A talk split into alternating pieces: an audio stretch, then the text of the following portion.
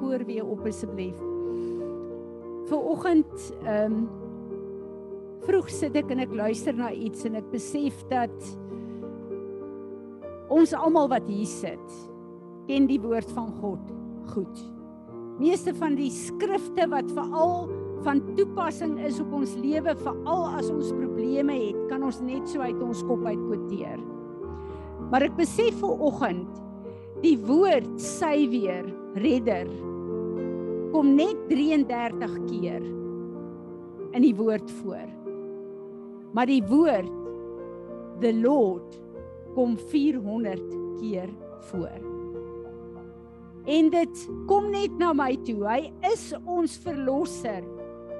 Dit is wat ons gered het. Dit is wat ons in die koninkryk ingebring het.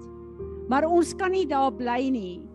Want dit is net as ek met respek kan sê sy job description in ons lewe. Maar hy wil heer en meester wees van ons lewe. Dis baie belangriker as om net stil te staan by die redding. Is hy regtig Heer en Meester van ons lewe? Ek wil hê ons moet staan en net hierdie laaste gedeelte We give you all the glory. Kom ons sing net net 'n paar keer. Kom ons sê vir ons ons gee al die glorie aan hom want aan hom kom dit toe.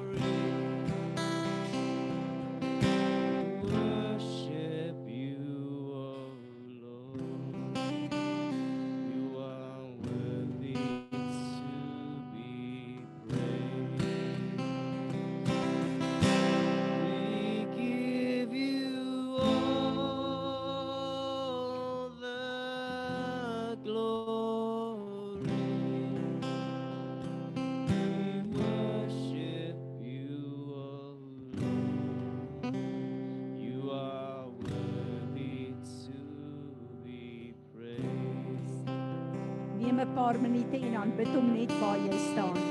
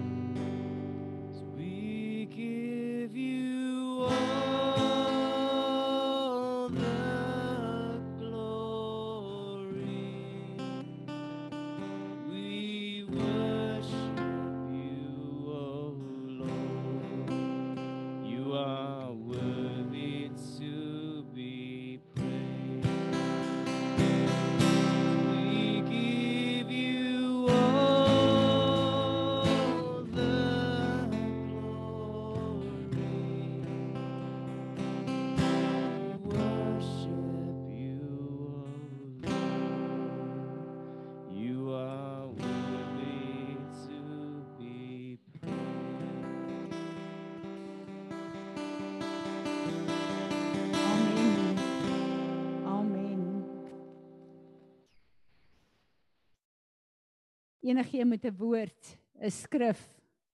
Piet. Toe tannie nou dit gesels toe herinner die Here my aan 'n ding dat in 1 Jakobus staan daar dat jy weet as enigiemand van ons wysheid kort kan ons dit van die Here af bid. En dit is baie interessant jy weet wat wat beteken wysheid? Dis die toepassing van kennis. Nou ons kan al die kennis in die wêreld hê maar ehm um, skrik op myself. Maar as ons dit nie kan toepas nie dan help dit ons net mooi niks En dis interessant as jy dan teruggaan na Spreuke toe, dan staan daar maar die vrees van die Here is die begin van alle wysheid. En dit is my eintlik baie interessant dat in die Nuwe Testament ehm um, na die evangelies dink ek nie daar staan een keer 'n plek wat ek kan onthou van die vrees van die Here nie. Dis amper asof jy dit al onder die knie moet hê teen daai tyd en dat die beginsels dan toegepas moet word. Maar ons almal het wysheid nodig en as jy die vrees van die Here nie het nie, dan gaan jy ongelukkig nie die wysheid kry nie. Amen. Amen. Nog iemand woordskrif? Marlies, wil jy nie vir my Marlies, wil jy nie van die deur toe maak nie? Ek dink die klank van die reën is 'n bietjie hard hier. Daar sy. Goed. Ek wil hê ons moet eers 'n tyd van gebed hê. Ehm um, ek wil net voor sit vir my die Zoom mense neer uh, op asseblief. Ek wil hê ons moet nie ophou bid vir Suid-Afrika nie. Ek uh, sukkel baie keer as ek luister na die nuus en kyk in die koerante om my emosies uit die pad uit te hou en net gehoorsaam te wees aan wat die Here wil hê ons moet bid voor. Ek wil ehm um, Andrei, Andrei van Eden, sal jy vir ons bid vir Suid-Afrika asseblief? Sal nou kyk as die ander daar is. Daar sy ehm um, Kreer, kan ek vir jou vra weer om te bid vir Israel asseblief? Ehm um, en ek wil ver oggend bid vir Afrika, maar wil ek wil ook ver oggend bid vir ehm um, ons eie gemeente.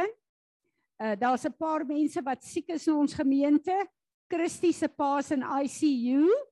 Ehm um, kom ons bly staan saam met hulle. Hierdie goed is nie maklik nie, julle.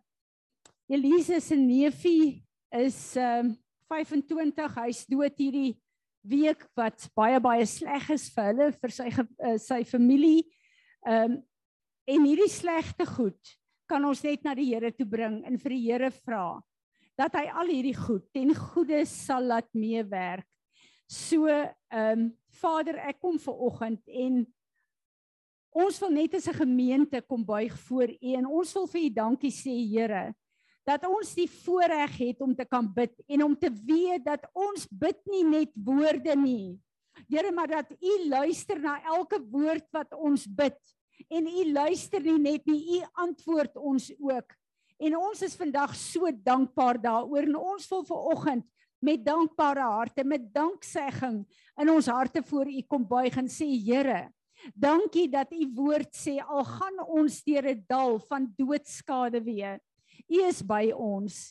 Dankie dat U ons nooit nooit los nie. Here, dit wat ek vir Dirk en Elise en hulle familie gebid het hierdie afgelope tyd, wil ek net weer voor U kom lig en ek wil vra dat Johnny se dood nie verniet sal wees nie, maar dat U dit ten goeie sal laat meewerk vir elke persoon in daardie familie. Here en dat sy dood hulle nader aan U sal trek en dat U die belangrikste in elkeen van hulle se lewens sal word. Ek bid vir Christie se pa. Vader, ons tye is in U hande. Maar Vader, wanneer ons staan en gekonfronteer word met die dood, word ons eintlik gekonfronteer met ons ewigheidslewe. En ek wil vra Vader dat U vir ons sal help om in hierdie moeilike plekke u vas te gryp en u teenwoordigheid toe te laat om ons te vertroos waar dit nodig is. Vader, so wil ek kom bid vir elke persoon in hierdie gemeente. Here, die persone wat op moeilike plekke staan, wat hulle besigheid betref, wat hulle boerdery betref, wat hulle gesinsverhoudinge betref, wat familieverhoudinge betref. Here, ehm um, wat 'n uh, eh, eh, persoonlike gesondheid betref. Ek lig elke een voor U op, Here. En ek wil vra dat U vir ons sal help om op U te fokus en Here dit wat ons so maklik sing, Jesus be the center, dat ons U sal toelaat om die middelpunt van alles te wees. Here en waar ons nie antwoorde kry op vrae nie, dat U die antwoord sal wees. En dat ons sal weet, Here, dat Daar is niks en niemand wat ons uit u hand uit kan ruk nie. En daar is niks wat met ons kan gebeur wat u nie saam met ons hierdie pad stap nie. Dankie daarvoor, Here Jesus, dankie dat u op Golgotha alles volbring het en dat u liefde vir ons daar die getuienis is wat ons kan laat besef daar's niks wat op hierdie aarde kan gebeur wat u in u liefde en in u almag nie ons sal deurvat nie. En ons kom gee die lof en die eer en die aanbidding vir u daarvoor vandag. Amen. Kom ons bid vir Suid-Afrika. Dankie Andrei. Ja, so Vader in die naam van Jesus, ek bring vir Suid-Afrika na U toe, Vader. Ehm um, dankie Vader vir elke woord wat U oor Suid-Afrika gespreek het, Vader. Ek ek wil ehm um, Vader, ek wil kom namens uh die Suid-Afrikaners en ek ek wil repent Vader vir vir alles wat ons negatief oor Suid-Afrika gesê het. En Vader, uh, vir elke plek wat ons ons oë van U afgerig het. Dankie Vader dat ons hoop kom van U af. Ons oorwinning kom van U af, Vader. Ons deliverance kom van U af. Vader, ek wil kom uh, soos vir die psalmis gesê het, I, I lift my eyes up to the mountains from where comes my help? My help is from the Lord maker of heavens and earth. En Vader, ek wil repent van elke plek dat ons na uh, politici gekyk het of na mense om ons hulp te wees in Suid-Afrika, Vader, en ons wil ons oë terugvat na U toe. En ons sê dankie Vader dat U is die God van Suid-Afrika. Vader, ons wil U troon as die God van Suid-Afrika. Vader, ek bid vir herlewing in Suid-Afrika dat mense se harte sal terugkeer na U toe. Vader, dat hulle sal terugkeer met hulle hele gees, siel en liggame, Vader, om U te aanbid om te sê u is die Here van Suid-Afrika. Ons is Christene, ons dien u in hierdie nasie en ons sal goddelike wette en goddelike regering hê want u is ons God, Vader. Ons uh, Vader, ek ek wil ek wil uh, repent namens ons volk van elke plek wat ons afvallig geraak het van u. Vader, dat ons afvallig geraak van die woord. Vader, dat ons nie ons kinders geleer het uh van God se geregtigheid nie. Uh Vader, dat ons nie meer 'n godsvreesende nasie in so baie plekke is nie. Vader, ek wil repent na U toe en ek wil my eie hart terugkeer na U toe, Vader. En ons wil as 'n nasie terugkeer na U toe. En Vader, wil U ek vra, wil U nie ons seën, Here? Wil nie U U ryke hand oopmaak oor ons in die hemele oopmaak oor Suid-Afrika en die reën afbring nie, Vader. Uh Vader, ek praat nie net van voorspoed nie, maar Vader, ek praat van die salwing wat sal afkom. Vader, ek voel vir die vuur wat sal aangewik word in elke kerk en elke Christen se hart. Vader, dat ons uh die hierdie senterpunte sal maak van ons lewe sodat ons uh ons oë sal afval van die aardse goederes, Vader, en die probleme wat ons sit hier in die land. Vader, terugkeer na U toe en ek ek bid dit vir Suid-Afrika in Jesus naam. Amen. Dankie Andrei Kreer. Sal jy vir ons vir Israel bid? Ons dankie ons Hemelse Vader dat ons na U toe kan kom en dankie Jesus Christus dat U vir ons daardie weg gemaak het. U is ons weg, die waarheid en die lewe en ons eer U daarvoor en dankie Heilige Gees van God dat U by ons is en dat U ons ook leer en wysheid gee. En ehm um, Vader, vanoggend bid ons in besonder vir Israel en ons kom vra Vader dat U U Gees sal dit infiltreer in elke hoek van daardie land, Here, dat U U vernuwerde en verniede gees daar sal ehm um, harte ehm um, infiltreer en oorvloei, Here, dat hulle sal sien en dat hulle U vrees sal ervaar, Vader, op 'n nuwe vlak en dat die mense ehm um, na U toe sal sal draai, Vader, met die doel laat uh die land van Israel sy doel ehm um, sal kan kan uitleef. Here ons ons weet U het groot planne vir Israel en die volk en daarom weet ons ook ons vanuit Suid-Afrika seën ons vir Israel. Al al is dit nie die geval op ander politieke vlakke nie, maar ons as Christene, ons wat U volg, ons as 'n gemeente, ons spreek die seën uit oor Israel Vader. En ons gebed is dat u die politici in ehm um, in Israel ook sal ehm um, in lyn bring met met u planne Vader. Ons bid net vir u volkomme voorsiening in elke opsig van daardie land dat daardie land ehm um, volgens u plan ehm um, sy sy doel sal bereik teen teen die ander wêreldlande lande en hoe hoe dit moet uitspeel Here. Ons bid net dat elke besluit wat geneem sal word Here, ehm um, u u hand sal in hê Here en ons staan saam in gebed teen die planne van die vyand wat definitief daardie land wil ehm um, van die aarde af afvee Vader maar ons weet ons weet u is die leeu van Juda en u sal kom en oorwin maar ek wil ook elke Christen in daardie land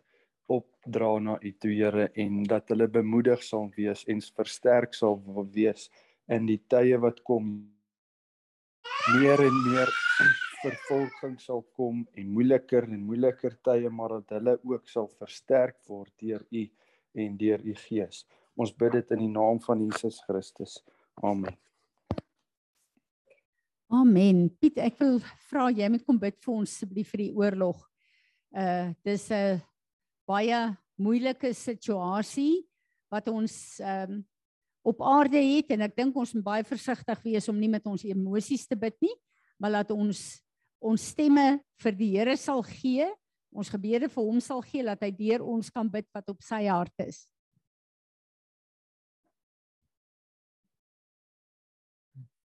Ja, ek wil net vir oggend vir u kom dankie sê dat dat u die hele wêreld in die hand vashou. Jy weet dat u elke situasie in die hand vashou. Nou niks is wat u ontkant vang nie. Jy werk of vir vra dat dat u die vrees wat besig is om oop te gaan op in hierdie wêreld. Jy weet waar waar mense begin begin bang raak oor supply chain issues wat wat in die wêreld 'n probleem raak en goedere wat rondgeskei word. Jy inflasie wat wat 'n groot probleem in die hele wêreld begin raak begin raak in die ekonomie wat wat 'n knou begin vat en in mense wat nie weet hoe om dit te hanteer nie. Jy werk of jy vra dat, dat u met u wysheid sal inkom en u kinders sal wys wat om te doen, Here. Here en dat elke mens wat wat u geposisioneer het op hierdie aarde, moet dat hulle die plek sal begin vol staan wat u vir hulle oopgemaak het. Jy weet dat hulle die lig sal wees soos wat in u woord staan dat ons die lig moet wees op hierdie aarde. Jy weet dat hulle almal sal nader trek en dat hulle die mense die pad sal wys met u wysheid wat om te doen in hierdie tye, Here. Jy werk of jy vra vir u beskerming op elke persoon wat geraak word deur hierdie situasies. Jy weet dat dat daar niemand sal wees wat wat die vyand sal kom steel, slag en verwoes nie, Here, onnodig. Jy weet dat elke een waarlik die kans sal hê om 'n keuse te maak om u te kan volg, Here. Jy weet ek of jy vra dat u planne, jy weet dit wat u uitgesit het in hierdie tyd, jy weet dat dit sal deurgevoer word. Dat dit wat die vyand wil kom doen, jy weet daar waar die vyand wil kom gal saai en en allerlei goed wil kom doen wat nie noodwendig in u planne is nie, Here. Weet dat u hierdie goed sal kom stop. Weet dat u die goed sal kom regtrek volgens u wil, Here. Weet dat u vir ons sal wys waar dit u wil is en wat ons veronderstel is om te doen in daai plek, Here.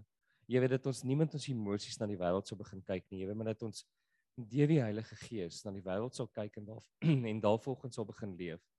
Weet ek hoef nie vir hom elke persoon te seën wat in Oekraïne is, wat in Rusland is, wat direk geraak word met hierdie met hierdie konflik Here. Weet dat U hulle sal seën met die Heilige Gees en met U wysheid. Weet om om waarlik U te kan hoor en U te kan sien en U voetstappe te kan volg soos wat U dit uitgesit het. Weet dat U werklik in hierdie situasie sal inkom en dit sal administreer sodat U dit moet wil wil hê Here. Here, ek kan nie eens begin dink hoe om hoe om hierdie goeders te doen en te administreer en waar wat moet ingaan, Here. Here, maar dat U die hele wêreld sal begin uitpleis en uit uitwerk so wat U dit wil hê, Here. Here, dat U dit sal ontbondel in wat U dit wil gehad het, Here, vir die grondlegging van die aarde. Dankie daarvoor, Here. Amen. Amen. Ehm um, kan ons sommer die verbondstekens uitdeel asseblief? Ek wil ons orde vanoggend net 'n bietjie omgooi.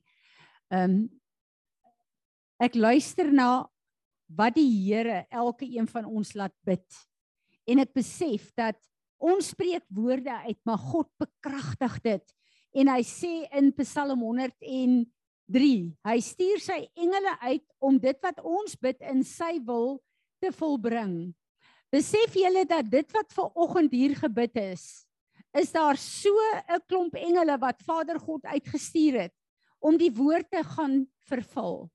En dis net vir my amazing as ek dink ons bid hier in die fisiese, maar daar is so werk wat nou plaasvind in die gees wat oralste land soos en waar Vader God wil. Is dit nie amazing nie? Sjoe. Ek het nou ver oggend ehm um, wil ek hê ons moet hierdie tekens in ons hande hou En ek het sommer net 'n paar goed wat ek wil sê wat vir my weer nuut geraak het. Wanneer ons hierdie verbondstekens doen elke Sondag, kan dit baie maklik 'n ritueel vir ons word. Dis 'n wonderlike ritueel, maar dit kan baie maklik 'n ritueel vir ons word. Maar ek wil ons terugvat na waar Jesus die verbondsmaal ingestel het. En toe het hy vir sy disippels gesê: "Gaan uit en kyk, daar gaan julle 'n man kry en vra vir daai man, ek wil die uh verbondsmaal in sy huis hou vandag." En die woord sê hulle het uitgegaan. Dink net hoe bonatuurlik is dit. En daar waar Jesus gesê die man gaan staan, dis 'n man wat hulle nie geken het nie want anders sou Jesus gesê het wie die man se naam was. En jy kom by daai ou en jy sê, "Weet jy Jesus wil 'n verbondsmaal doen en hy het gesê ons moet dit in jou huis doen. Is dit reg met jou?" En ek besef net hoe bonatuurlik is dit. Maar wanneer ons hierdie brood in ons hande neem, Lukas 22 vers 19 tot 20 sê, he took a loaf of bread and when he had given thanks, he broke it and gave it to them saying, this is my body which I have given to you. Do this in remembrance of me. And in like manner, manner uh, he took the cup saying, the cup is the New Testament of or covenant ratified in my blood, which is shed, poured out for you. En alles in geloof is goed. Wat is die kwalifikasie van verloof? Dit wat jy nie kan sien nie, wat jy sê en vat en glo. So ons geloof is feitelik alles wat jy nie kan sien nie. Ons moet geloof hê daarvoor. Die enigste tekens wat Jesus vir ons kom gee het om vir ons 'n kontakpunt te bring van hier af tot in die gees is die doop. Waar ek en jy nie net iets verklaar met ons mond nie, ons moet ons liggaam in sy dood en opstanding in doop. En die tweede ding is hierdie verbondstekens. Ek en jy het 'n fisiese teken wat ons kan breek, eet en drink wat 'n kragtige manifestasie in die gees is. Maar as ons kyk na Eksodus 12 waar die eerste verbondsmaal gedoen is met die lam wat geslag is, het God vir die Israeliete gesê: "Vat hierdie bloed en smeer dit aan die deurposte en eet die hele lam." Dit was die opdrag geweest. So wanneer ek en jy hierdie brood vat en hierdie tekens gebruik, God het nie gesê ek gaan dit instel in die sinagoge in die tempel nie. Hy het gekom en hy het gesê ek wil dit instel in 'n huis. Wat dit so persoonlik maak want ek en jy is sy huis. Hy het dit persoonlik vir ons gemaak. En as ek en jy hierdie verbondstekens vandag vat, ek en jy het deure in ons sinne. Dan kom ons en ons verklaar opnuut. Die bloed van Jesus, sy liggaam, sy bloed het my deurposte kom verf. En daarom het die vyand geen reg op my lewe nie. Kom ons breek hierdie brood. Elkeen, kom ons staan en drink hierdie druiwesap en verklaar jy op jou eie jou verbond met God deur die bloed van Jesus. Kom ons vat 'n minuut.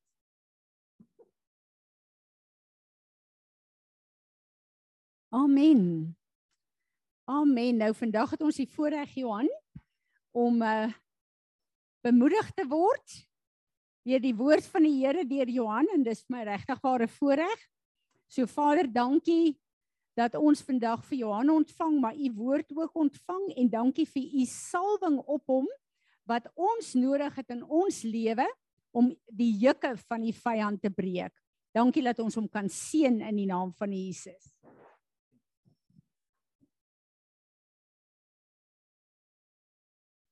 Baie dankie. Ek wil 'n bietjie vandag praat oor om nooit moed op te gee nie. En wat ek wil hê ons moet doen is um, ons gaan 'n bietjie vandag saam preek en ons gaan 'n bietjie saam 'n paar antwoorde antwoord En die heel eerste ding wat ek wil hê julle moet doen is hulle sê faith comes by hearing. So, ek wil hê julle moet uh, agter my aan sê ek is goed genoeg. Ek is die moeite werd. En alles sal ten goeie meewerk. Ek wil hê ons moet dit weer sê. Ek is goed genoeg. Ek is die moeite werd. En alles sal ten goeie meewerk. Vinnige vraag, het enige een van julle al ooit opgegee? Kan definitief my hand opsteek. Hoekom gee ons op? Nou die slim mense sê daar is 'n hele klompie ehm um, redes hoekom ons opgee en ek wil met ek gaan so 'n paar noem en ons gaan oor 'n paar van hulle praat vandag. Die heel eerste ene is onrealistiese verwagtinge. Wie van julle het al begin werk? Nou nie die ouens wat in die skool is nie. Wie wie nou al begin werk hier van julle? Onthou julle die eerste dag toe julle ingestap het, het julle vir julleself gesê, "Man, ek gaan myself bewys." ek gaan so hard werk dat al hierdie ouens in pres is met my en ek gaan nie foute maak nie. Ek gaan hierdie maatskappy verander en jy het al hierdie goeders wat jy vir jouself sê. En dan snaaks genoeg so in die eerste week, party van die ouens wat bietjie beter as ek is in die eerste maand, dan maak jy jou eerste groot fout.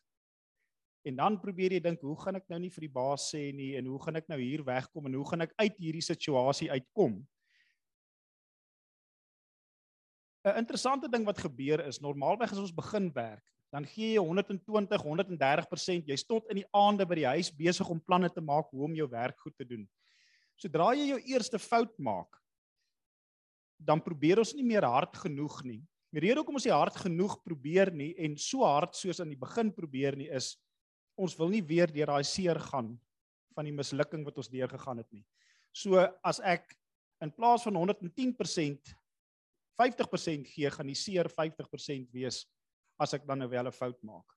En dit is nog 'n probleem reg oor die wêreld. Dis nie net hier in Suid-Afrika wat dit gebeur nie. So vrees vir mislukking neem besit van ons. Die Here het ons nie 'n gees van vrees gegee nie, maar 'n interessant wat interessante ding wat gebeur is, ek wil nie meer myself daar uitsit nie want ek het vrees vir dalk miskien gaan ek verwerp word. Dalk het my baas of my vrou of my man vir my gesê, hoor hierso. Dit wat jy gedoen het. Ek hou nie daarvan nie.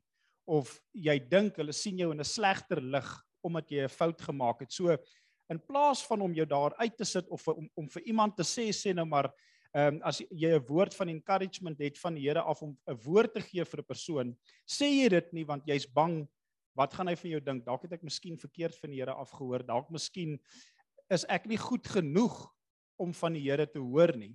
En dan bly ons maar liewer stil en ons begin draadsitters te raak en 'n gees van vrees neem besit van jou. Joshua 1 verse 9 Be strong and courageous. Do not be afraid. Do not be discouraged for the Lord your God will be with you wherever you go. Hierdie is vir my awesome skrif want dit beteken al gee jy net jou 50% en al is jy dalk nou 'n bietjie bang om met mense te praat, die Here is daar in daai situasie saam met jou. Daar waar jy 110% gee, was die Here ook by jou. Toe jy daai eerste fout gemaak het en toe jy toe dit begin ehm um, 'n uh, um, 'n uh, 'n ding raak wat jy baie foute maak, ehm um, so deur die lewe. Die Here was in daai foute by jou gewees. Ek glo in 'n ding wat ek uh, altyd sê, lewe gebeur nie nie met jou nie, dit gebeur vir jou. So daai foutjie wat jy gemaak het of wat ook al met jou gebeur het, al is dit nie 'n fout wat jy gemaak het nie, dalk is dit met miskien 'n fout wat iemand anders teen jou gemaak het. Vra ek myself die vraag af, hoekom het dit vir my gebeur? Watse les kan ek hieruit leer en hoe kan ek dit of beter maak of leer om dit nie weer te doen nie. Ons dink baie keer dat wanneer jy 'n fout maak, is dit nou die einde. Hoeveel van julle het nou al gevoel as jy sê net maar 'n fout maak, dis die einde. Jy kan nou nie weer daaroor kom nie, dis nou klaar, jy het nie weer 'n kans nie. Ek is een van hulle. Dr. Richard het het 'n awesome ding wat hy sê. Dit is 'n event Dit is nie die alfa en omega van wat met jou gebeur het as jy 'n fout gemaak het nie. Dit is 'n stepping stone. Hy praat van as jy op skool gaan. Hoeveel van julle as julle op skool was, um, het julle gedink as daar nou 'n uh, eh, um, vir alle wiskunde toets is? Vir my was dit 'n wiskunde toets gewees. Die volgende dag gaan dink jy gaan ek nou maak of ek siek is sodat my ma my nie op skool toe te stuur net om uit hierdie hierdie uh, um uh, toets uit te kom nie. Of dalk miskien moet ek vir die eerste keer in my lewe slip dat ek kan uh, net uit hierdie situasie uitkom nie. Interessante ding is toetse in die lewe is daar vir elevation. Dit is hoekom dit daar is. Die Here gee ook vir jou toetse wat ons baie keer nie deurkom nie, maar wat ons ook baie keer prys die Here met sy met sy ehm um, hulp deurkom sodat hy ons na 'n nuwe vlak toe kan vat. So ek wil vir julle sê as 'n fout gemaak het, as jy dalk miskien kort gekom het, Dit is die perfekte opportunity for elevation, want dit is iets wat jy uitleer dat jy die volgende keer dit beter kan doen of nie kan doen nie om glorie in die Here se naam te bring, want met enige ding glo ek jy bring of glorie aan die Here of jy bring nie glorie aan die Here nie. En ek glo ook dat as jy net gaan stil sit en nie jouself uitsit daar nie, kan dit nie glorie aan die Here bring nie. So wanneer ons uitsit al al al al, al is daar 'n kans om seer te kry, gaan dit glorie in die Here bring wat jy probeer. Jy probeer ten minste en die proses van om te kom waar jy moet wees is die heeltyd die die die die woord van die Here sê the righteous shall fall seven times. Daar's 'n rede vir dit. Sodat jy kan leer, sodat jy karakter kan kry en sodat jy op 'n punt kan kom elke keer wanneer jy geelevate word, bring dit meer glorie aan die Here. So die vraag wat ek altyd aan myself vra is wil ek hierdie vlak van glorie aan die Here bring? Of wil ek deur die lewe gaan en leer en daai vlak van glorie aan die Here bring? Dit is altyd wat ek nou dalk miskien is is my persepsie verkeerd van van hoe glorie werk vir die Here, maar vir my glo ek trials and tribulations, jou testimony bring glorie aan die Here. En vir my hoe groter jou testimony is wat beteken hoe meer jy jouself uitsit daar buite om te leer en om vir die Here te leef bring jy meer glorie aan die Here. Dit is maar net iets wat wat wat wat my dryf. Die grootste wapen van die vyand volgens my is ek moet eers regmaak en myself regkry en dalk miskien bietjie minder vloek en dalk miskien in plaas van 3 glasies wyn net 'n halwe glasie wyn drink voordat ek by die Here kan uitkom. Jy weet ons het altyd hierdie ding van ek wil nie met die Here praat nie want ek het nou eers ek en my vrou het bietjie vasgesit ek wil nie met die Here praat nie want ek was oneerlik by die werk gewees. Of ek wil nie met die Here praat nie want ek het nou al hoeveel keer 'n leuen vertel. En dan sê jy weer Here ek gaan met u môre praat want ek wil net gou vinnig eers probeer om hierdie week in plaas van 10 leuns 2 leuns te vertel dat ek net so bietjie beter voel oor myself voor ek met u wil praat. Die verlore seun toe hy terugkom, hy tussen varke gelewe. Nou ek weet nie van julle of wie 'n varkplaas ken nie. En as jy tussen varke lewe, dit is nie lekker nie. Dit is nie 'n skoon plek nie. Ek sou nie sê dit lyk of jy nou klaar gestort het nie. Daai ou het teruggekom en sy pa het gehardloop en hom vasgegryp met al daai veiligheid. Sy pa was 'n ryk man gewees. Pa het teen teen skoon klere aangetree. Hy het nie omgegee oor die veiligheid van sy seun nie, want sy seun wat teruggekeer het. Hy het hom vasgegryp Hy het toe gegaan en nie vir sy seun gesê luister gaan bad of gaan stort of wat ook al nie. Hy het vir die mense gesê bring vir my die beste kleed. En hy het dit oor daai vuil seun van hom gesit.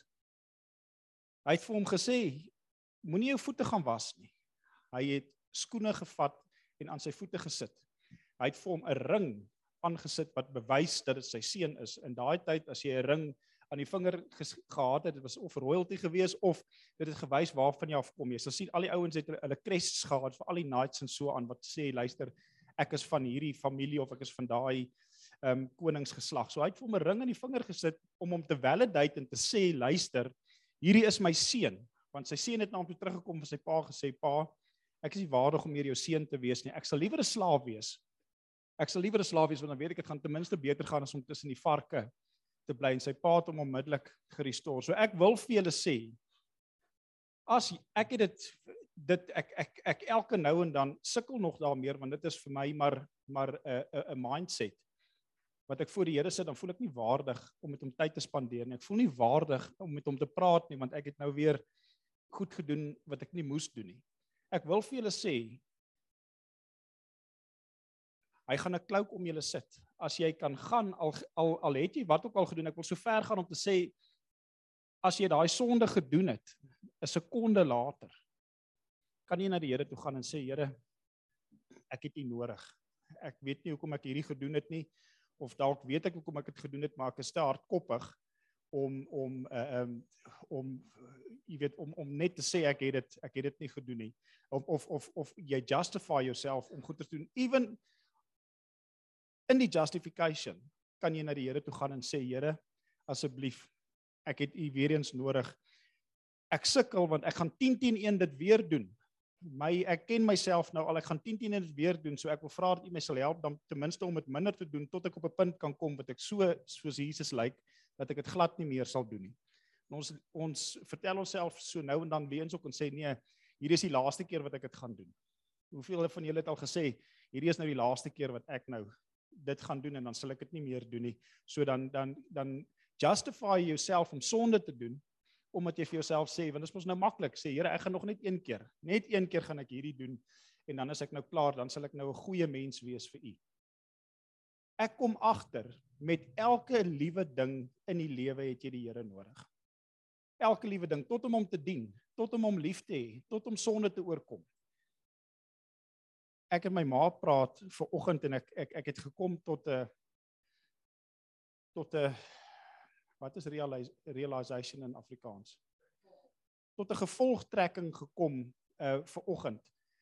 Ons sê altyd ek wil net gou eers met my sonde deel. Daai woord ek beteken daar's trots. En die Here sê uh, dat hy die proud resist wat dat hy's hy hy praat van ek gaan dit nou-nou vir julle lees van my mercies are new every morning. Uh ek het meer grace vir julle. Meer, nie net grace nie, ek het meer grace vir julle. But I will resist the proud.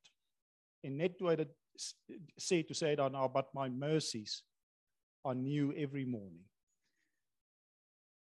Ek besef dat as ons eers wil ons goedjies regmaak en ons sondes meer deel, op ons eie manier. Glo ek nie ons het God se samewerking nie, want God sê I resist the proud. So ek mag dalk verkeerd hier wees, maar ek besef ver oggend met 'n skok dat wanneer ek sê ek wil gou my eie sondes uitsorteer voor ek by die Here kan uitkom, haal ek die hele Here heeltemal uit uit uit die saak uit. En ons het die Here nodig om deur ons goeders te werk. So ek het ver oggend het ek askies gesê en gesê Here asseblief help my dat ek my hardkoppigheid laat staan en dat ek sal kom en sê Here kom help my asseblief want hierdie ding kan ek nie self doen nie. Ek kom agter dat as ek dit self wil doen en ek gaan stop daarmee. As ek dit self wil doen uit my eie krag uit, dan vat ek die Here uit die saak uit en dit wil ek nie ooit weer in my lewe doen nie. So dit is nou James 4 vers 6. But he gives more grace. Therefore he says, God resists the proud, but he gives grace to the humble.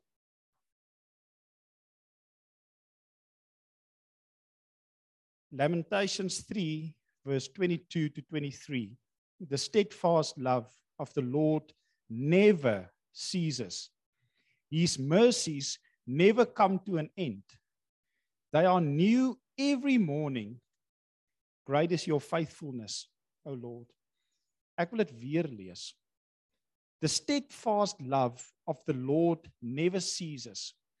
Jy gaan hom nie kan ophou lief wees vir jou nie. Ons kan dalk hard probeer, maar hy gaan nie ophou lief wees vir ons nie. His mercies never come to an end.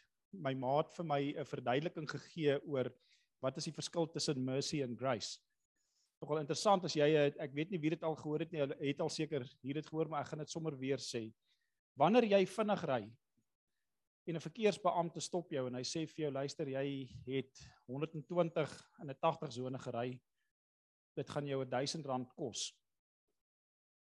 Wanneer hy met jou mercy het, sê hy vir jou ek gaan jou die keer laat gaan, maar pas op, jy gaan nie weer dit moet doen nie en hy skeld jou vry van daai 1000 rand. Grace gebeur dieselfde ding, maar hy sê vir jou hier is vir jou 1000 rand. Dit het my nogal geruk en en ek as as ek hierdie skrif lees besef ek wie en wat die Here is, wat sy karakter is, want snaaks genoeg ek het groot geword en gedink die Here, jy weet ons almal sê die groot man na bo gee jou pak slaag gee. As jy fout maak, die groot man gaan jou seermaak. So jy moet in vrees eintlik leef en die rede hoekom jy nie sonde doen nie is as gevolg van vrees. Want groot man moet jou net nie hy hy, moet net nie of jy probeer dit so te doen dat die groot man jou nie raak sien nie wat 'n news flash, hy sien alles raak. En ek het altyd so die Here gedien en ek het op 'n punt gekom waar ek besef het jy is 'n kind van God. Nou as jy 'n slaaf is soos wat daai seun wou gewees het. Wanneer daar ehm um, 'n uh, wat inheritance wanneer daar 'n erfporsie is, 'n slaaf kry nie normaalweg 'n erfporsie nie. 'n Slaaf kan nie net sommer in 'n huis ingaan, die yskas oopmaak en uit sy ma se yskas ou uh, um, litchi tertjie wat my ma vir ons 'n lekker litchi tert gemaak vir die naweek. So ou ou ou ou uh, litchi tertjie gaan kry nie. 'n Slaaf kan nie dit doen nie.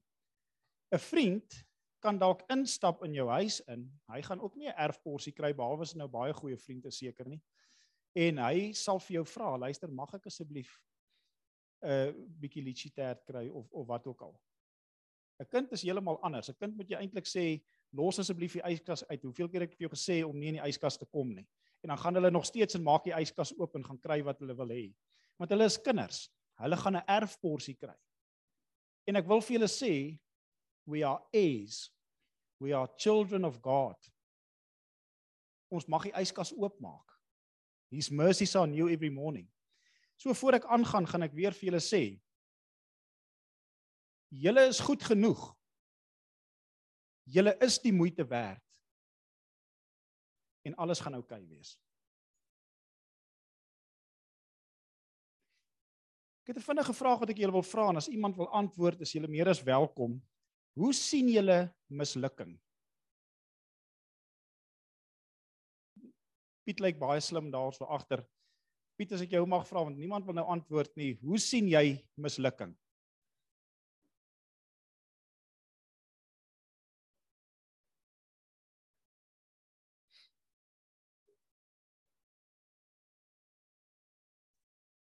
Dis nou 'n baie mooi teologiese vraag. Het iemand dalk 'n minder teologiese 'n uh, 'n uh, uh, minder teologiese antwoord? Vir my as ek misluk, wil ek nie weer probeer nie. Ek is 'n ou wat jy weet ons almal dink ek um, is is sosiale vlinders. 'n Klomp ouens sê nee, ek is 'n introwert en ek is 'n ekstrowert. Maar ek kan jou beloof as jy na julle Facebook accounts kyk, wie ook al Facebook het, kyk 'n mens so nou en dan hoeveel likes het ek oor hierdie post wat ek het almal van ons wil bietjie aanvaarding hê. Dit is maar net wat in ons in die Here het ons so gemaak. So as jy nie so gemaak is nie, weet ek nie dan die Here jou nie gemaak nie. Want die Here het ons almal gemaak om daai daai bietjie net validation te kry. En vir my as daar as ek sê net maar iets aanpak en dit misluk, dan is dit vir my baie moeilik om presies daai selfde taak aan te pak want ek is bang dat ek gaan misluk en dan gaan ek dalk miskien die die uh um iemand wat skeef kyk na jou wat jy weet jy jy, jy dalk 'n vrou of 'n man of 'n werkskollega wat jy so 'n bietjie skeef uitkyk en sê man jy weet daai disapproving glance wat wat mense vir jou gee. Uh daai verwerpende kyk wat wat of of of gluur wat mense jou aangluur. En dit is nogal 'n ding vir my wat wat wat wat eh, ehm uh, wat wat ek sukkel meer. Maar ek wil vir julle sê, dit is nie die einde van jou pad nie. Dit is net 'n gebeurtenis. As daar iets as jy iets fout gemaak het en daar is nou daai daai gliere wat jy kry, dis nie die einde nie. Jy weet klomp ouens sien dit as dis nou die einde van my wêreld, maar dit is nie. Dit is net 'n gebeurtenis. Sukses is 'n byproduk van om in die gesig van mislukking weer en weer te probeer. So ek wil weer vir julle dit sê. Sukses is 'n byproduk van om in die gesig van mislukking weer en weer te probeer. As jy kyk na ouens wat regtig suksesvol was in hulle lewe. En jy ek hou nou ek hou nogal daarvan, ek weet nie of julle hou van lees nie, maar ek hou nogal om ehm um, jy weet biografieë te lees van ouens wat suksesvol is om te sien wat het hulle gedoen, hoe het hulle dit gedoen. En meeste van daai ouens sê ons het baie misluk. En hulle sê eintlik om uit te sien na mislukking waar ek nog glad nie is nie. Eh, van die ouens wat regtig suksesvol is, is sê luister, gaan en as jy misluk, misluk dan ten minste groot. Hy sê mislukking is presies dieselfde ding. Of jy nou klein misluk of groot misluk, misluk is misluk. Ehm um, daar is 'n ou ehm um, een van die 500 uh ehm um, as as jy in die Forbes ehm um, 500 is ouens soos my broer Hannes sal weet, is jy nog 'n ou wat wat relatief suksesvol is.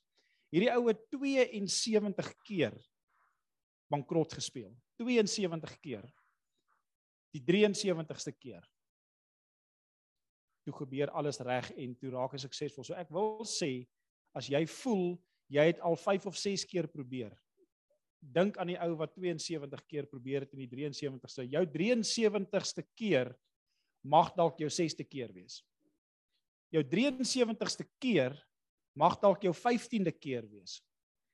Maar jy sal nooit weet as jy nie aanhou nie.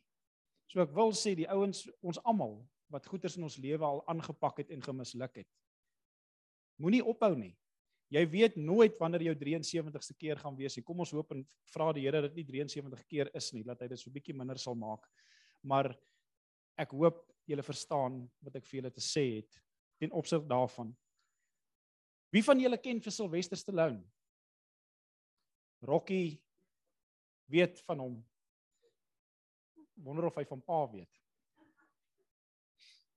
Nou voordat hy nou enigsins fame and fortune gekry het, het hy vir 7 jaar in Hollywood probeer. Hy het klein rolletjies elke nou en dan gekry. Maar die mense het vir hom gesê, jy lyk snaaks jou lip wat so hang en jy wat so snaaks praat, jy kan nooit 'n ster wees nie want kyk hoe lyk jy man. Hoor hoe praat jy? Tintien jy bly in jou kar, so van watse tipe van 'n agtergrond kom jy? Jy kry mense wat vir jou sê man, maar jy het mos nou al hierdie fout en daai fout gemaak. So wie dink jy is jy om nou enigstens te dink jy het die waarde of die reg om iets aan te pak? Kyk na jou paale. Jou paale is dobbelaars dalk. Maar dalk 'n drankprobleem. Wie dink jy is jy om uit daai familie uit te kom en te probeer om suksesvol te wees?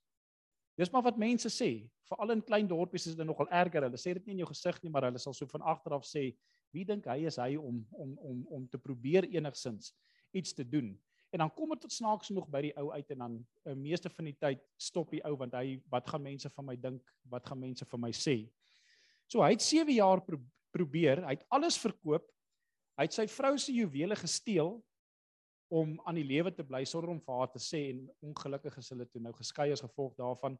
So manne, as jy getroud wil bly, asseblief moenie jou vrou se juwele steel en verkoop nie. Dit is een van die reëls om eh, tot 'n goeie huwelik. Hy moes sy hond verkoop vir 25 dollar want hy het nie kos gehad nie. En hierdie hond was daai 7 jaar saam met hom, dit was sy beste vriend gewees, hierdie hond. En hy het op 'n punt gekom wat hy haweloos was vir 3 weke. Hy 3 weke was hy homeless gewees.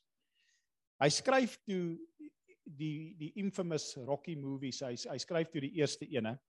En mense stel belang in die in die in die in die uh, um, filmdryf en hulle bied hom daai tyd 125 000 dollar aan.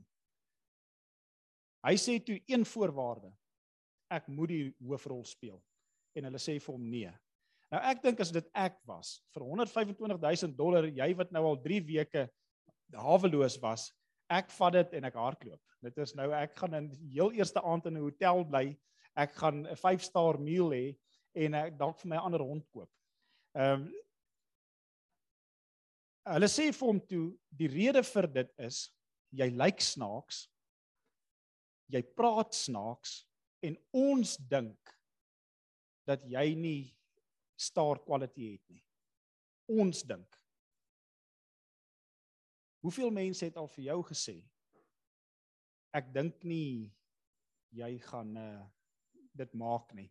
Dalk ouers wat vir hulle kinders sê as kinders met groot drome kom, ons wil dit doen of ons wil dat doen en jy sê as gevolg van jou eie foute wat jy het en mislukkings wat jy deurgegaan het in die lewe en jy mens baie keer as mens vir iemand iets sê of hom afraai om 'n ding te doen die rede vir dit is omdat jy self dalk misluk het of self seer gekry het of daar is dalk miskien 'n generational ding waar jy baie seer gekry het. So uit 'n noble thought gaan jy en jy raai jou kinders af of jy gaan raai iemand af wat regtig ta talent het of wat jy dalk nie dink die talent het wat hulle moet hê nie raai jy hulle af en sê hoor hierso ons wil nie hê jy moet jouself ehm um, verneder nie. Ons wil nie hê um, ek ons is bang jy kry net so seer soos wat ons gekry het hulle het dit alles vir hom gesê en hy het geweier hulle kom toe 2 weke later terug en hulle sê 250 000 dollar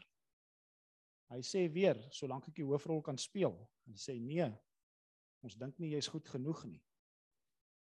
Nog 2 weke later 350 000 dollar. Nou teen hierdie tyd sou ek nou al gesê het, luister, hierdie is aftree geld daai tyd. Ek gaan nou lekker aftree. Um, ek kom ons los nou maar al hierdie hierdie gesukkel.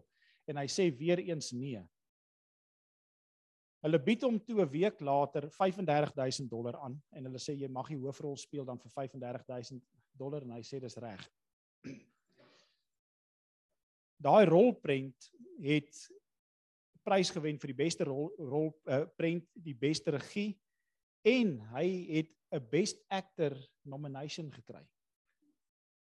Van mense wat gesê het ons dink jy praat snaaks. Ons dink jy lyk snaaks. Ons dink nie jy's goed genoeg nie. Wat ek wil sê, daar is baie mense wat ons die voorreg het wat wysheid in ons lewe spreek maar pas op om jou ore uit te leen vir mense wat vir jou sê wie hulle dink jy moet wees. En ek gaan nou daar so bietjie later daarby uitkom. Hy gaan toe toe hy nou klaar daai 35000 dollar kry. Heel eerste ding wat hy doen is hy gaan koop sy hond terug.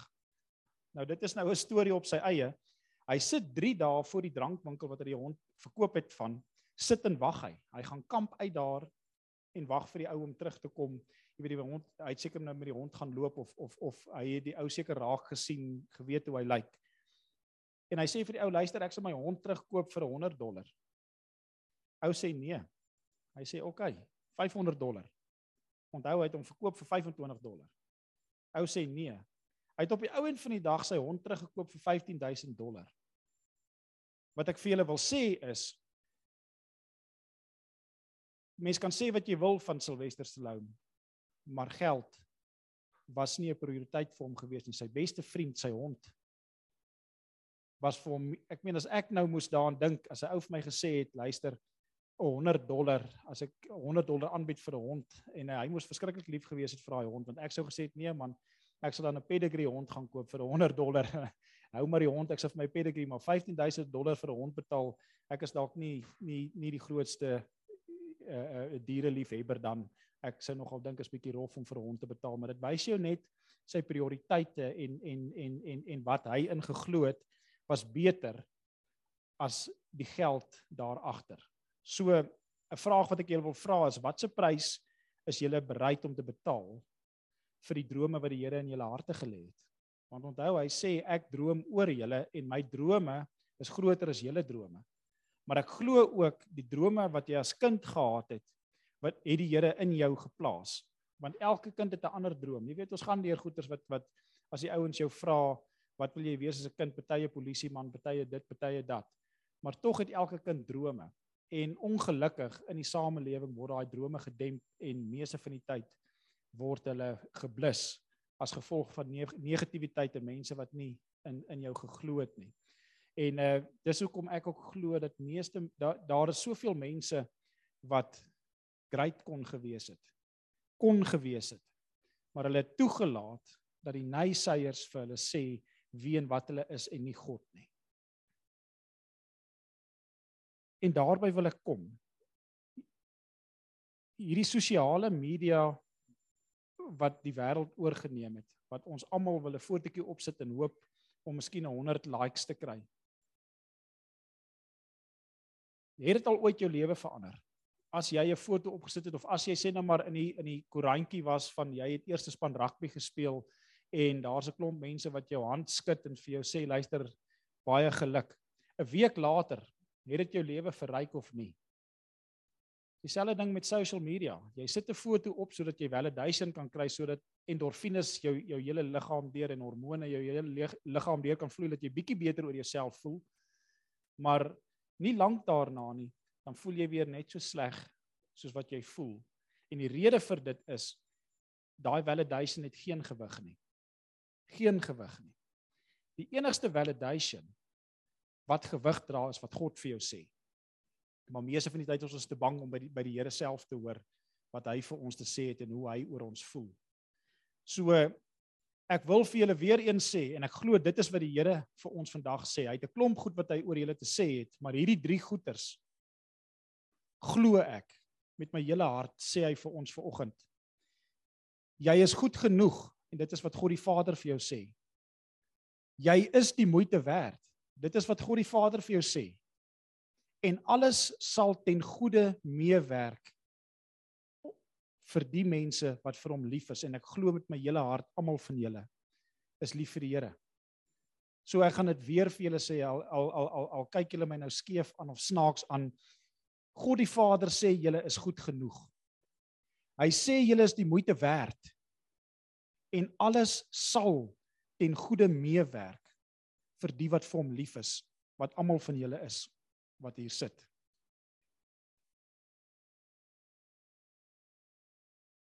Een van die leuns wat ons glo.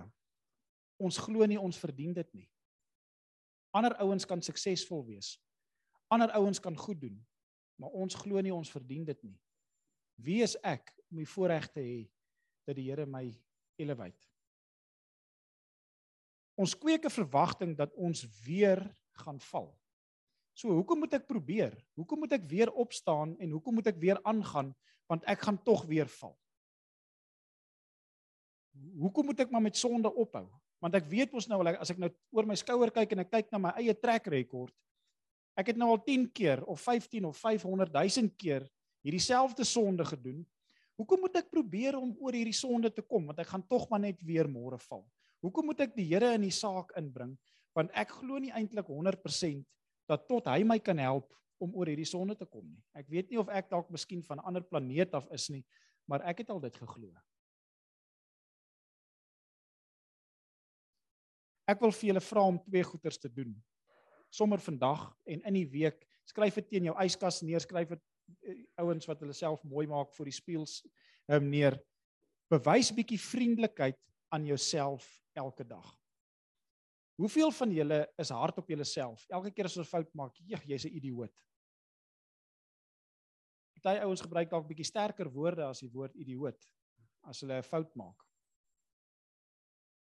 En ek wil vra dat julle sal kom en na julleself kyk and become your biggest fan. Nie die dakwaaier nie.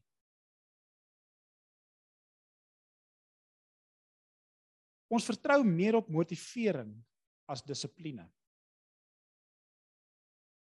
Hoeveel van julle gaan en sê ja, ek moet nou gaan 5 kg hardloop vir oggend, maar kom ek kyk maar net gou vinnig eers 'n videoetjie van hoe ander ouens net om my net net om motivering op te bou. Ek het ver oggend, ver oggend toe besef ek ek moet gaan hardloop en 'n uh, toe kyk ek net eers so 'n vinnige motivational video net laat die bloed vloei dat ek net kan aan die gang kom. Dit werk so nou en dan. Die groot probleem is ons bly baie keer by die die die die motivering en nie die dissipline nie. Om vir jouself te sê, luister, gee nie om of ek gemotiveerd voel of gee nie om oor 'n gemotiveerde video ek sal vir oggend reg eet of ek sal vir oggend om die blok gaan stap of ek sal vir oggend my selfoon neersit op die tafel en vir die Here sê Here my tyd is u ek sal my foon en my gratifications los en ek sal voor u gaan sit vir 5 minute. Dit help ook nie om vir jouself alleen te vertel en sê Here, ek gaan nou vir 'n uur by u sit as jy nog nooit vir 'n uur by die Here gesit het nie. Ek wil vir julle sê begin klein. Met dissipline. moet nou nie gaan en gaan komrus hardloop nie. Gaan en gaan stap eers om die blok. Wanneer dit kom by die Here, gaan en sê Here, ek weet nie om met u te praat nie. Ek het nog nooit u stem gehoor nie, maar ek sal 'n timer neersit en ek sal vir 5 minute voor u sit. En ek sal 'n verslag my mond hou en net sê Here of u met my wil praat of nie wil praat nie, ek gaan hier sit. En dan as jy sien 5 minute werk nie, dan beteken dit die Here se tydsone is so 'n bietjie anders as ons sinne. Dan sê jy, "Oké, Here, ek gaan nou 6 en 'n half minute. Ek wil hê u moet met my praat." Maar lyk like my 5 minute is bietjie kort. Ek weet nie of daar protokol of wat ook al is nie. Ek sit maar vir 6 en 'n half minute. Wanneer jy weer nie die Here hoor nie, dan sê jy, "Right, vir hierdie week het ek 6 en 'n half minute nie die Here gehoor nie. Ek gaan nou 10 minute sit." Die Here sê, "As jy aan die deur klop, sal ek dit oopmaak." Maar die Here kyk baie keer bietjie hoe belangrik dit vir jou is.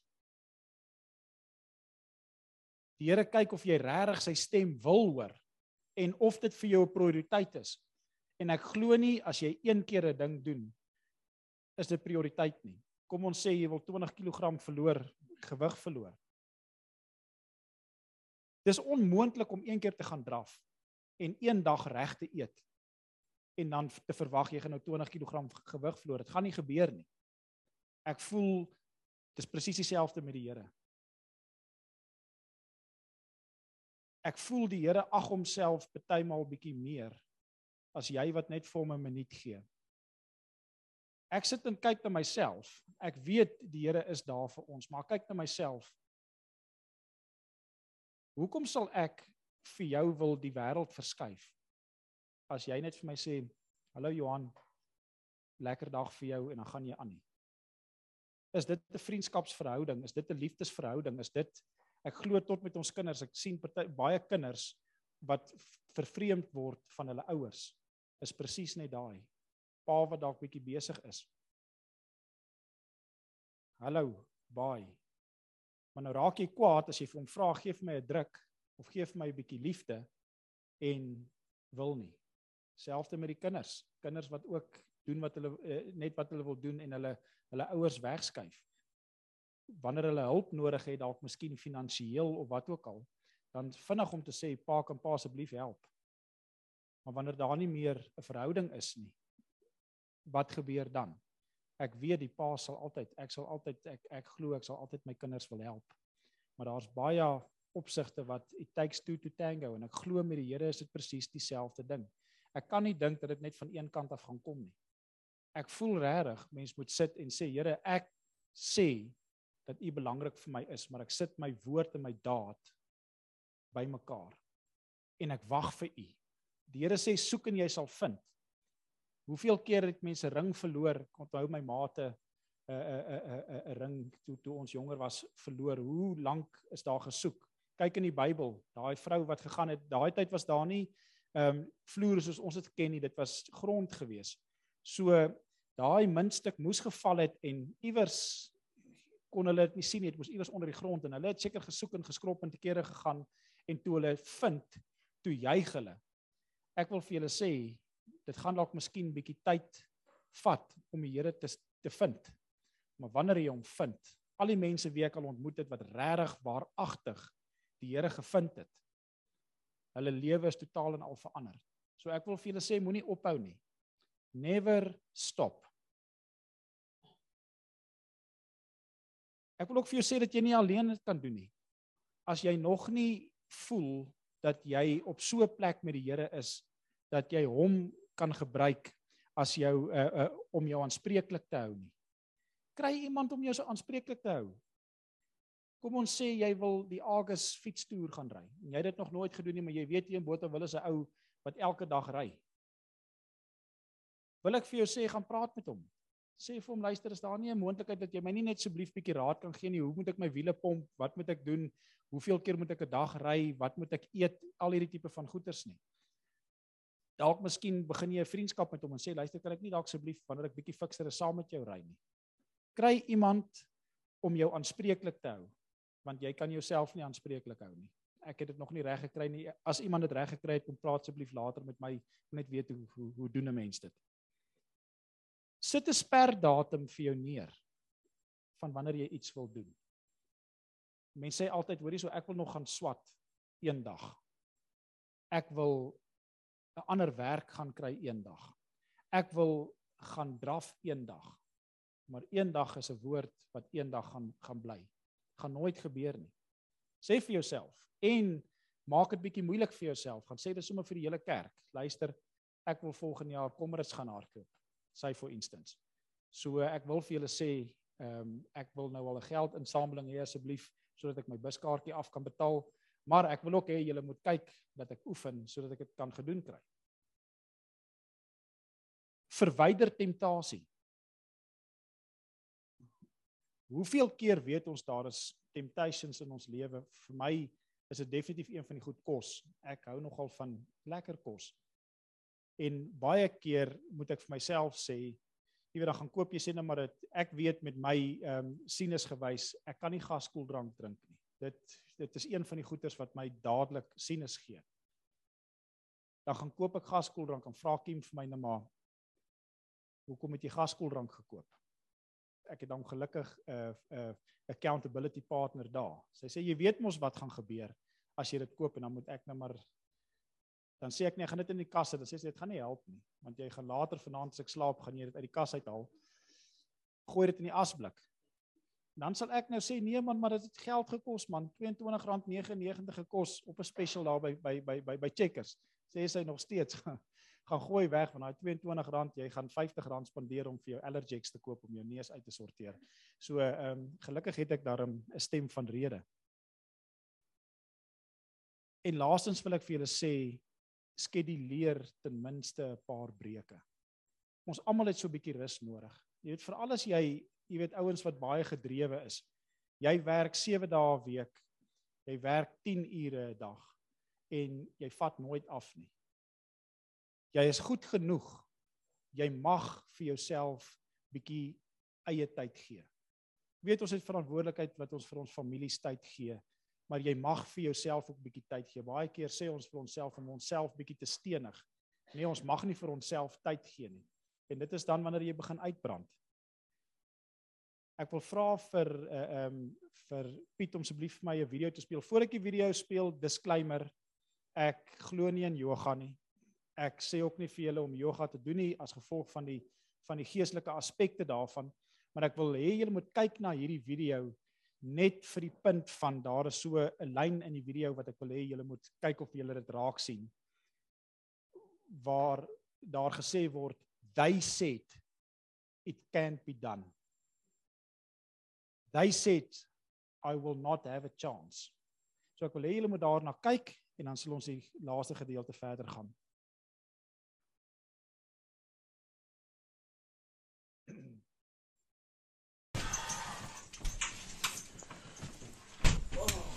What are you doing?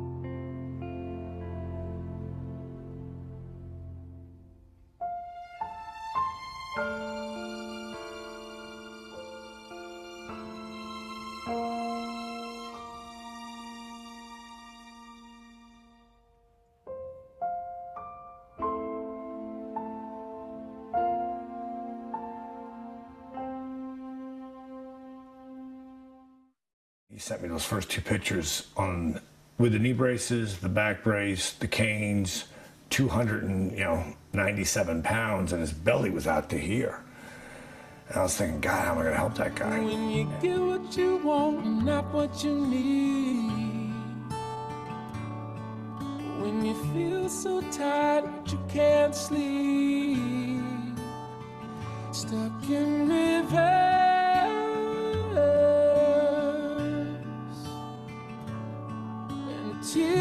Come streaming down your face. When you lose something you can't replace. When you love someone but it goes to waste. Could it be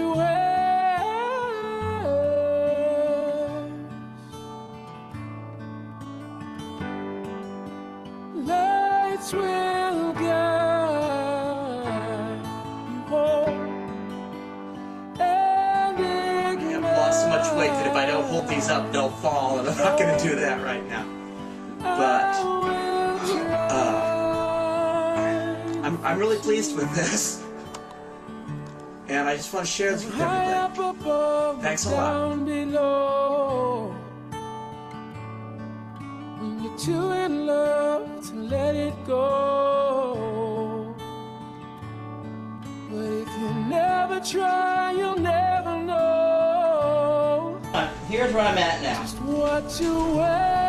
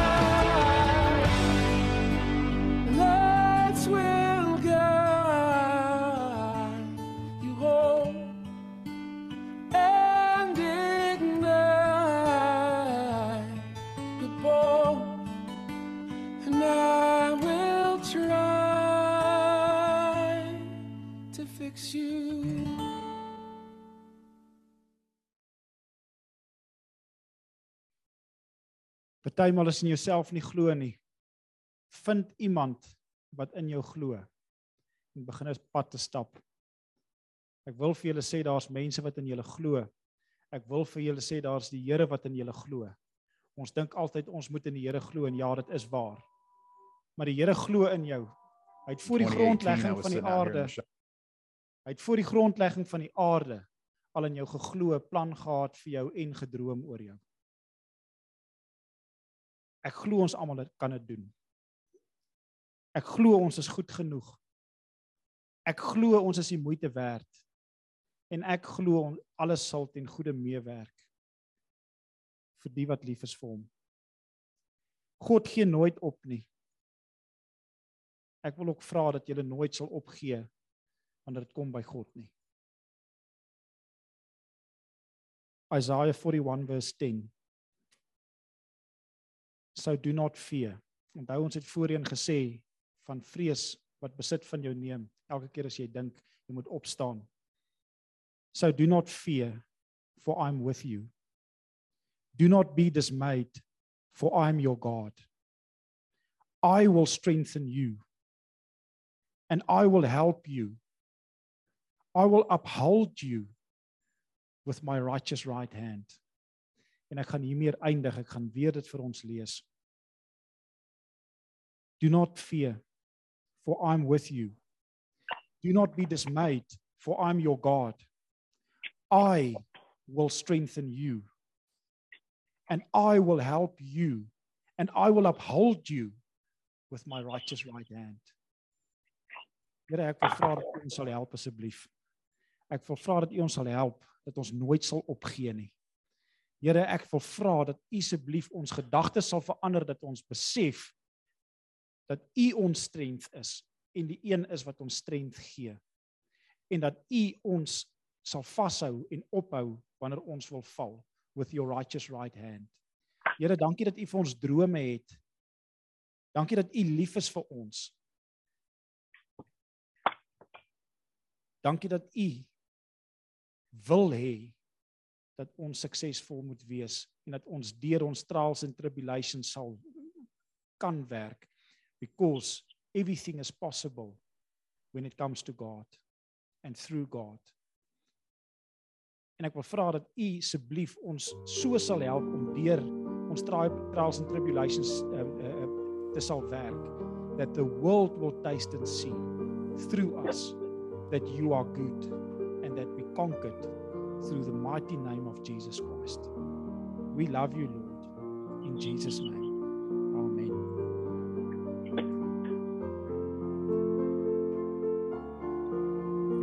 Amen. Amen. Ek weet ons is laat, maar ek wil vir julle sê dit wat ek ervaar het vandag is daar is plekke wat elkeen van ons wat hier sit goed probeer het, nie suksesvol was nie en dit neergelê het en besluit het niemand hoef daarvan te weet nie. Ek hoef dit nie in my lewenstyd te doen nie. En ek ervaar die Here sê gaan terug na daai plekke toe. Die goed wat ek gesê het, julle moet doen wat te moeilik was. Julle was nie dadelik suksesvol nie en julle het dit neergelê sonder dat enige iemand dit weet. Maar die Here weet daarvan. En dit voel vir my of die Here ons konfronteer en sê vat weer dit wat jy nie kon voltooi nie. En gryp my die keer vas vir die sukses wat ek wil hê jy moet behaal. Want ek het jou geskape en ek weet jy kan dit doen. Amen. Mag jy 'n geseënde wonderlike res van die dag beleef. Uh, sal jy vir ons die seën speel? Kom ons staan almal en ontvang die seën van die Here